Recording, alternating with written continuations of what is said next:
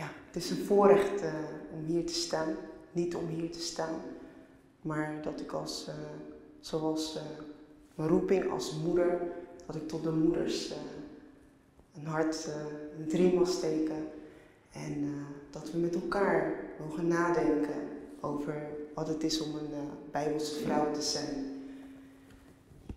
Theoretisch um, kunnen we dat weten, maar soms missen we nog wat handvatten.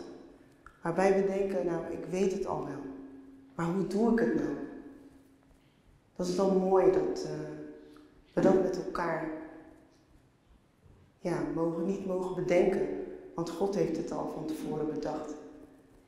Vanmorgen door de lezing heen, wat als eerste wat centraal uh, in me opkwam is echt de orde van God. Orde klinkt als netjes, orde klinkt als structuur, orde klinkt duidelijk. Wie wil dat nou niet?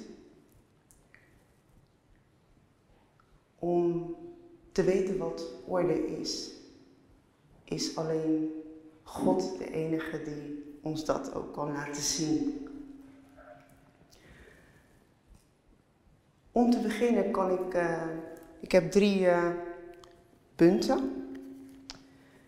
En um, als eerst een stukje cultuur. En met name nationaliteit, waar ik vandaan kom. De tweede gemeente. En als uh, derde um, bril. Oh, het gaat mis. Bril op sterkte. Daar kom ik zo meteen kom ik daar wel op terug. Um, bijbels man zijn, bijbels vrouw zijn, dat uh, klinkt voor sommigen, zoals ik al zei, vanzelfsprekend, maar niet voor iedereen. Ik kom, uh, mijn ouders die kwamen uit Suriname, zoals sommigen al hebben gelezen in het artikel. Um, hebben, de Surinamers hebben meegemaakt een, uh, een, een verleden, een verleden zoals ieder verleden heeft maar even specificeren het verleden slavernij. Vanuit de slavernij, door omstandigheden, door de manier zoals het is gegaan, hebben de vrouwen geleerd om, zomaar te zeggen, hun mannetje te staan, hun vrouwtje te staan. Waarom? Door schaad en schande als je man van jou gescheiden wordt en niet zoals een scheidingspapier, ik ga nu van je scheiden zoals je dat nu hoort maar noodgedwongen gescheiden, omdat de man elders naartoe moet om te werken of om die verkocht werd. Was de enige troost van een vrouw om haar tranen te wissen. Rouwen, daar heb je maar kort tijd voor, want we moeten door. Dit zorgt voor een verhard hart. Dit zorgt voor littekens die van generatie op generatie doorgaan. Dit zorgt voor een houding die leert dat je niet afhankelijk moet zijn, maar onafhankelijk moet zijn. En dan kunnen we wel zeggen, ja, maar dat heeft toch niks per se met cultuur te maken? Nee, dat is waar. Maar ik vertel het vanuit mijn eigen rugzak. Vertel ik wat mijn houding was, hoe ik de relatie met mijn man ben ingegaan. Dan kun je je voorstellen als je een onafhankelijke houding hebt met de gedachte, mm, mijn diploma, dat is mijn man. Zo werd ik opgevoed door mijn ouders, door mijn moeder. Een man kan van je weggaan, dat was de zekerheid. Maar je diploma, dat is belangrijk, want dat is je zekerheid. Ik heb rechten, dat is ook een houding die ik aannam. Als ik dat zo opnoem, dan kunnen we ons voorstellen, misschien kun je een eigen gedachte bij hebben, maar je kunt je voorstellen dat dit niet voor enigheid zorgt, maar voor oneenigheid. En mijn man en ik hebben meer dan oneenigheid in onze relatie meegemaakt. Het zou God onwaardig zijn als we Hem niet de eer zouden kunnen geven waar we dat we hier vandaag staan. Niet alleen dat we hier vandaag staan, maar dat we mogen vertellen waar we vandaan kwamen en wat God tot nu toe en nog niet klaar is, heeft gedaan.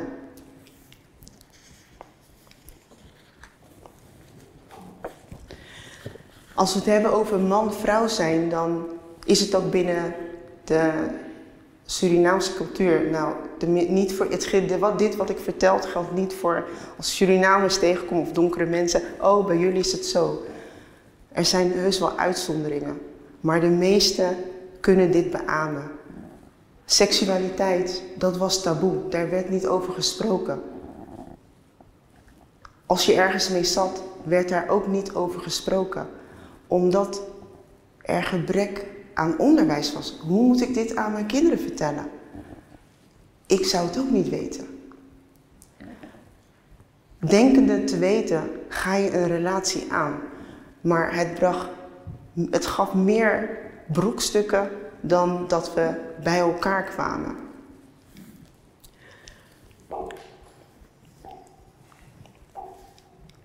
Dat de orde verstoord was, dat was duidelijk. Zo begonnen we ook. Het verlangen had ik wel dat er orde kwam, maar meer in de uiterlijke dingen.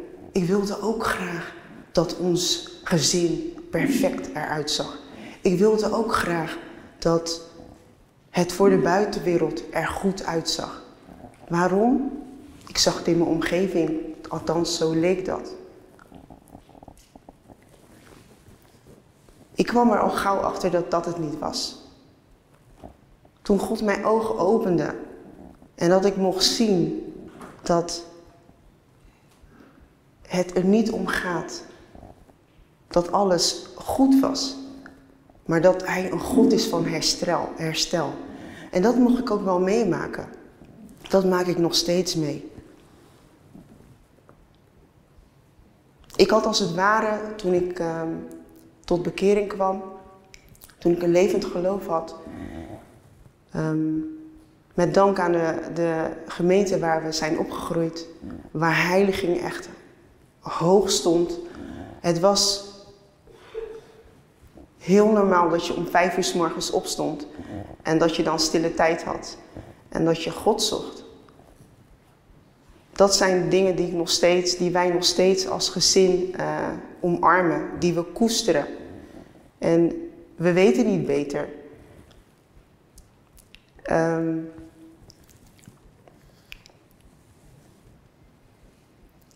toen we, uh, ja, ook vanuit de gemeente wisten ze toen of zagen ze ook, nou, ze hebben begeleiding nodig en dat kregen we ook. We werden gecounseld. En het bleek ook dat ik, uh, in die tijd werkte ik ook. En um, alles draaide om het werk. Uh, gezin stond op de tweede plaats. Dat is misschien voor de meesten van hier is dat niet het geval. Maar die bagage had ik niet. Totdat ik begon, uh, totdat ik gestopt was met werken. En mijn man die ook zei van, ik wil niet dat je gaat werken. Dat is niet zoals God dat wil. Dat was een moment, dat was een fase waarin ik, waarin de roeping meer kleur kreeg. En wat bedoel ik daarmee, de roeping meer kleur kreeg? Ik kon de kinderen zelf naar school brengen.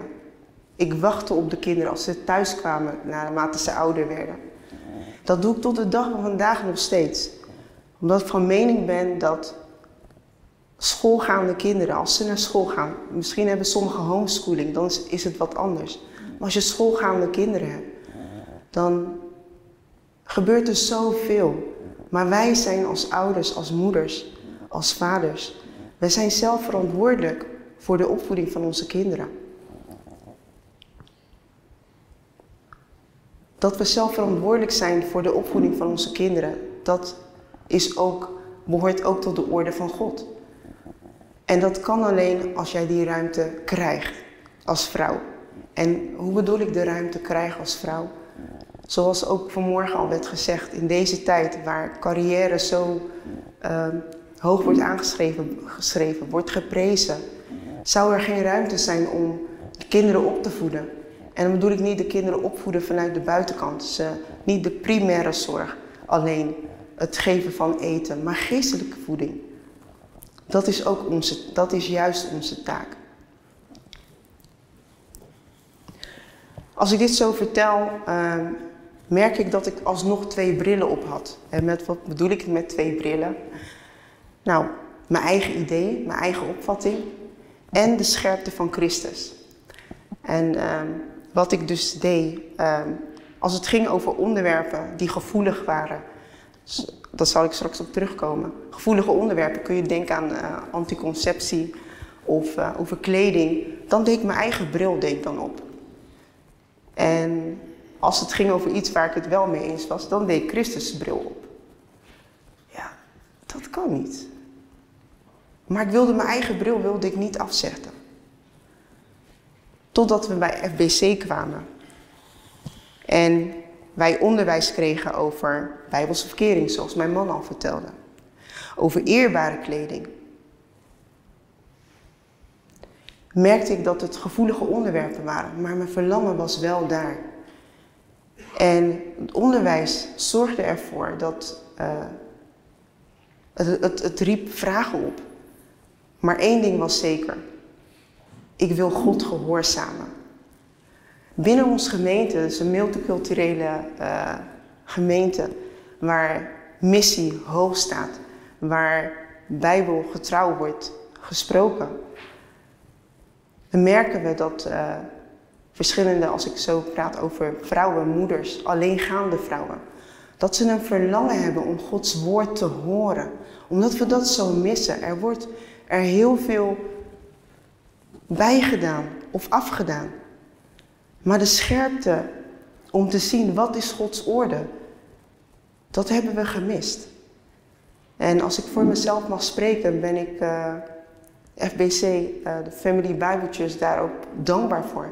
Dankbaar dat uh, God ons ook hier heeft geplaatst.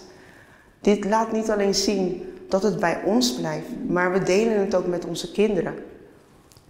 Zodat het stokje wordt doorgegeven. Ook u hier, moeders, vrouwen, alleengaande die hier zitten. Als je hier zit, dan zit je in de boot. Wat bedoel ik daarmee? Dat je niet kunt zeggen dat je dit niet hebt gehoord. Dat brengt verantwoordelijkheid met zich mee. Wat betekent verantwoordelijkheid? Verantwoordelijkheid betekent dat je de taak op je neemt die je kan. En verantwoordelijkheid betekent als het je niet lukt, dat je om hulp vraagt. Trots heeft mij vaker gehouden op, ik doe een taak, maar hulp vragen? Nee, kan het zelf. Ergens gaat, loopt het mis. En dat mag ook. Want het houdt ons alleen maar tegen. Het houdt niet ons tegen, want het gaat niet om ons. Het houdt Gods orde. Het verstoort Gods orde. Daarom kan ik met blijdschap en uh, met vreugde kan ik uh, hier staan en hier staan. Dat ik blij ben om te horen waar Bijbels beraad voor staat. Dit moet van de daken geschreeuwd worden. Mensen snakken hiernaar. Alleen kunnen ze hier geen woorden aan geven. Maar wij nu wel. En dit kunnen we samen kunnen we dit ook doen. Omdat ik namens uh, ook de vrouwen van FBC, van, van Family Bible Church, ook uh, hier mag staan, heb ik ook aan de vrouwen gevraagd van nou, ik, binnenkort gaan wij, uh, mogen wij iets delen bij de conferentie. Wat, wat missen jullie? Of wat, hoe vinden jullie dat het hier uh, bij Family Bible met verschillende nationaliteiten, hoe dat gaat? Daar zijn verschillende geluiden over. We zijn een, uh, een gemeente die pas begonnen is, waar uitdagingen er zijn. Maar de het mooie kant, de rijkdom, die is er zeker. En ik vind, als ik voor mezelf mag spreken, staat boven de uitdagingen. Dat we een gemeente zijn die in beweging is, dat geeft alleen maar aan dat we niet stilstaan, maar dat we groeien. Ik zal wat uh, geluiden delen wat de, vrouwen, wat de vrouwen hebben aangegeven. Dus één, die, die was, waren sommigen die dachten, um, je kan denken dat je bijbels al bezig bent, een bijbelse vrouw bent, omdat je al veel kinderen hebt, omdat je niet werkt. Dus dan zou ik niet kunnen identificeren met mijn verhaal, wat ik in mijn rugzak heb. Maar toch gaf ze aan, ik mist onderwijs. Een ander, die gaf weer aan, ik heb gehoord over kleding. We, we hebben een dresscode in, uh, bij FBC. En sommigen hebben daar moeite mee. Maar dat betekent niet dat ze niet willen. Er is één die zei, pas toen ik besefte dat ik een voorbeeld kon zijn, ging bij mij het knopje om. Ik heb er nog steeds wel moeite mee, maar daar ga ik voor, want ik mag een voorbeeld zijn. En dit is een meisje van 17 jaar. Ik heb het aan verschillende vrouwen gevraagd, van, van verschillende nationaliteiten, maar ook verschillende leeftijden, zodat niet één geluid laat klinken, maar van verschillende kanten. Zo is het, gaat het dus nu bij FBC.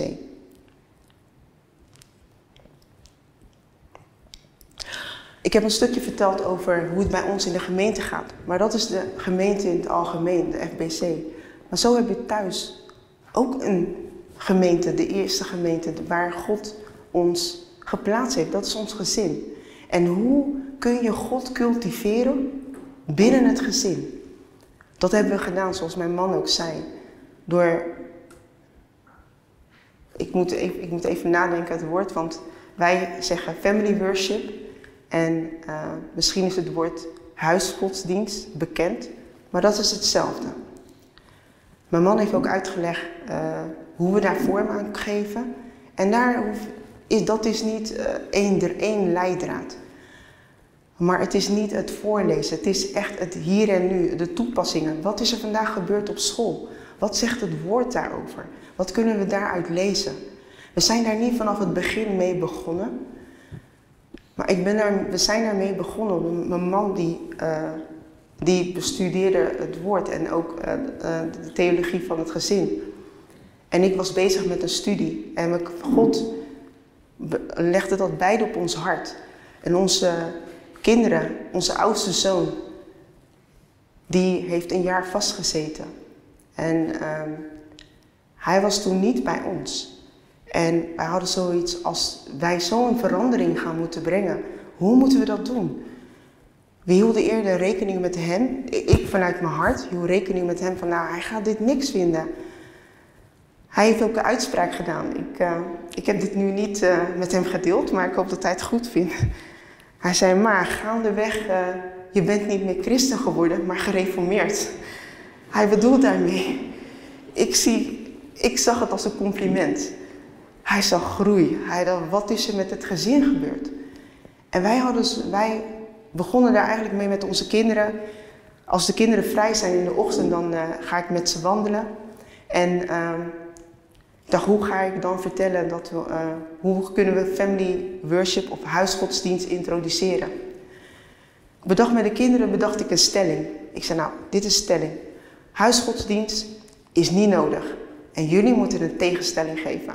En we hadden, ik ging een trap op en trap af. Als ik de trap omhoog ging, dan moest je, een, moest je de stelling beargumenteren, een tegenargument geven. Als ik weer omhoog ging, hadden ze tijd om na te denken. En zo ging ik trap op, trap af. En zij bleven beneden staan tijdens de wandeling. En ik zei, en hoe vonden jullie dat? Zeiden, huh? Ik merk nu eigenlijk doordat ik zoveel tegenstelling geef waarom het wel nodig is, dat er iets met mijn hart gebeurt. Dat ik het oké vind. Later zeiden ze, nou mam, ik dacht dat het uh, even een tijdje was. Maar dat tijdje is nu twee jaar, tweeënhalf jaar of twee jaar geleden. En uh, de aanhouder wint tot Gods orde. We doen het niet voor onszelf, maar voor God.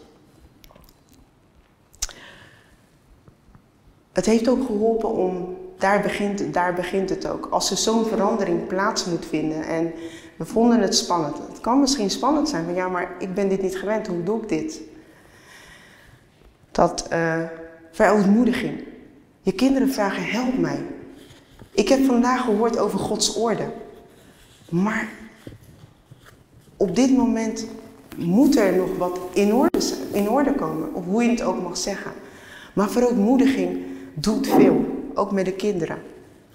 Als laatste heel kort, ik had het over bril op sterkte. We kunnen, ik zei nog, ik, had, ik heb mijn eigen bril heb ik op. Mijn eigen bril op zonder sterkte.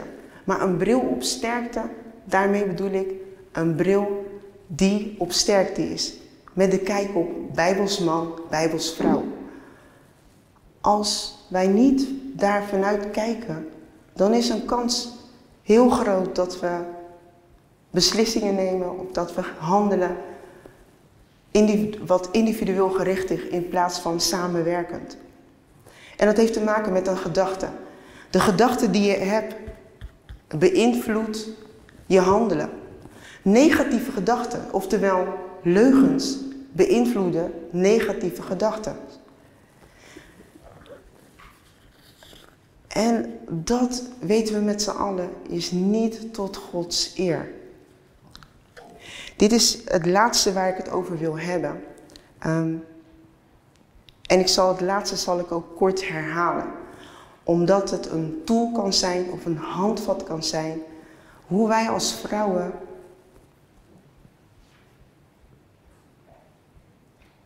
mee kunnen helpen om de orde binnen het gezin, binnen de gemeente, om daar een bijdrage aan te leveren. Als ik bijvoorbeeld zeg um, oorzaak-gevolg, ja, dat is logisch. Doordat komt dat. Zo'n uitspraak klinkt pragmatisch, of wat het ook zou kunnen zijn, maar er zit iets tussen. Oorzaak, gevolg. Maar wat er tussen zit, tussen oorzaak, gevolg, is onze gedachte. Oh, ik doe dit niet vaak. Hoe denken we over iets? Wat zijn de gedachten? Ik hoorde net over onderdanig. Welke gedachten heb ik erbij? Als die gedachten niet juist zijn, dan mogen we dat beleiden. Dan mogen we eigenlijk zeggen: Ik heb iets gedacht, maar dat klopt niet. Want het staat tegen de waarheid. En soms kunnen we denken, ja, maar dan moet ik continu een bril op. Van, uh, bij elke praktische handeling moet ik dan een bril op doen. Dat klinkt raar. Klinkt onwennig. Omdat we patronen hebben. En met patronen bedoel ik dat we zo gewend zijn om te doen wat we doen, maar er niet bij stilstaan waarom we het doen. Ik hoorde net al, oud is nieuw geworden als oud nieuw is geworden. Dat betekent dat onze gedachte gereset moet worden. En daarom zijn we hier ook met z'n allen. Zodat we gereset kunnen worden door Gods woord. En dan niet te lezen met een bril zonder sterkte, maar te lezen met een bril met sterkte. Dus vanuit de orde van God. Geef een voorbeeld over een bril zonder sterkte een gedachte kan zijn. Ik heb recht. Kijk eens wat ik allemaal heb gedaan. En ze zien het niet. Ik word niet gewaardeerd. Ik ben niet goed genoeg.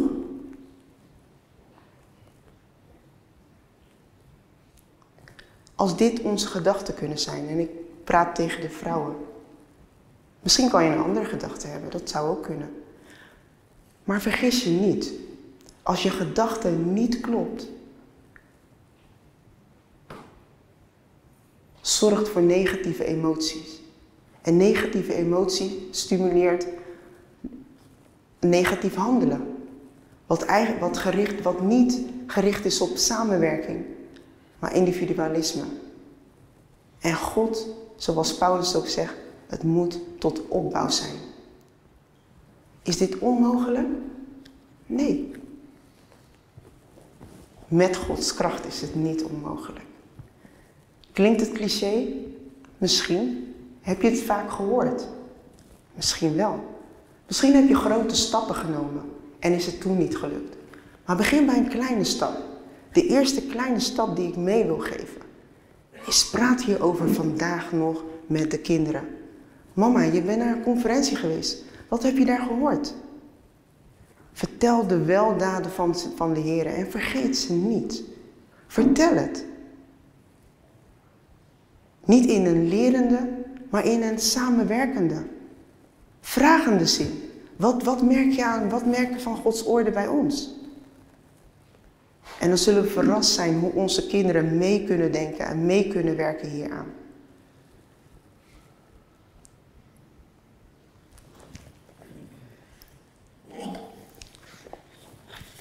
Ik wil eindigen door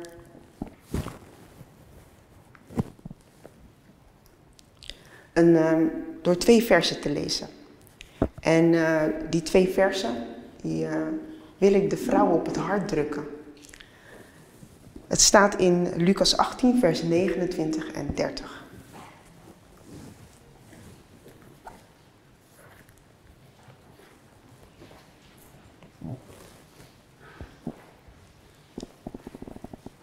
Hij, nu zei tegen hen, voorwaar, ik zeg u dat er niemand, dat er niemand is die huis of ouders of broers of vrouw of kinderen verlaten heeft om het koninkrijk van God. Die, het, die niet het veelvoudige zal terug, zal terug ontvangen in deze tijd, in deze tijd en in de wereld die komt, het eeuwige leven. Het is een bemoediging om vandaag ermee te beginnen. Om wat je hebt gehoord niet naast je neer te leggen, maar er mee aan de slag te gaan.